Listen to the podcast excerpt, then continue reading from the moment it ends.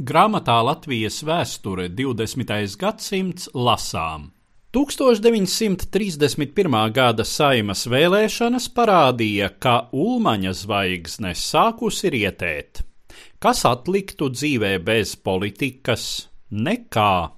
Citāta beigas. Patiešām vāra šķiet bija Kārļa Ulmaņa vienīgā mīla un kaislība. Par prominentā politiķa privāto dzīvi nav zināms tikpat kā nekas, un tā vien šķiet, ka tādas varēja nebūt vispār, un diezinu vai pēc gadiem Latvijas politiskā olimpa pašā virsotnē Ulmani spētu apmierināt darbošanās jebkurā citā jomā, savu kādreizējo profesiju, agronomiju, lauksaimniecisko ražošanu ieskaitot.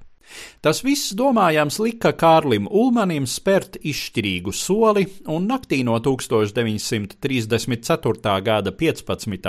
uz 16. maiju veikt valsts apvērsumu, iznīcinot Latvijas demokrātiju, kurai viņš pats vien kādus 15 gadus iepriekš bija dedzīgi licis pamatus.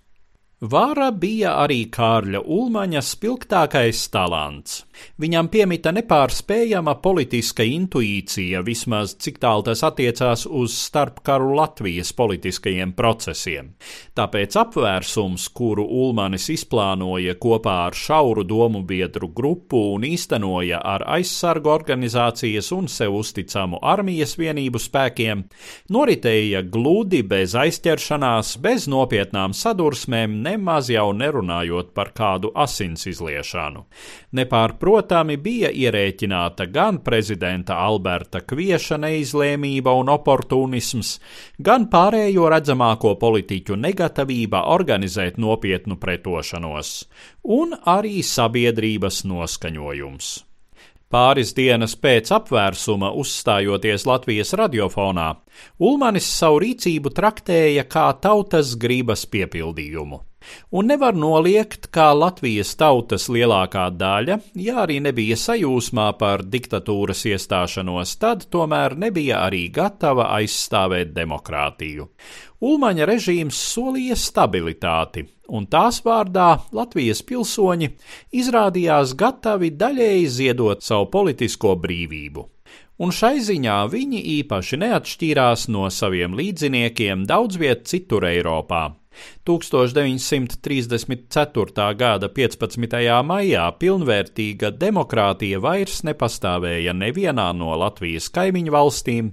Pēc šī datuma no deviņām jaunajām valstīm, kas Centrāla Eiropā un Baltijas jūras reģionā radās pēc Pirmā pasaules kara, demokrātija bija saglabājusies vairs tikai divās - Čehoslovākijā un Somijā.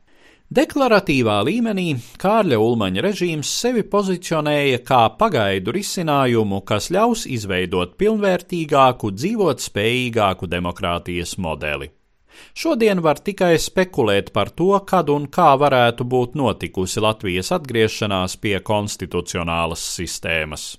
Reālajā vēstures procesā Ulmaņa režīms kļuva par prelūdiju citai, svešai un nesalīdzināmi nežēlīgākai varai, kas sagrāba Latviju dažus gadus vēlāk.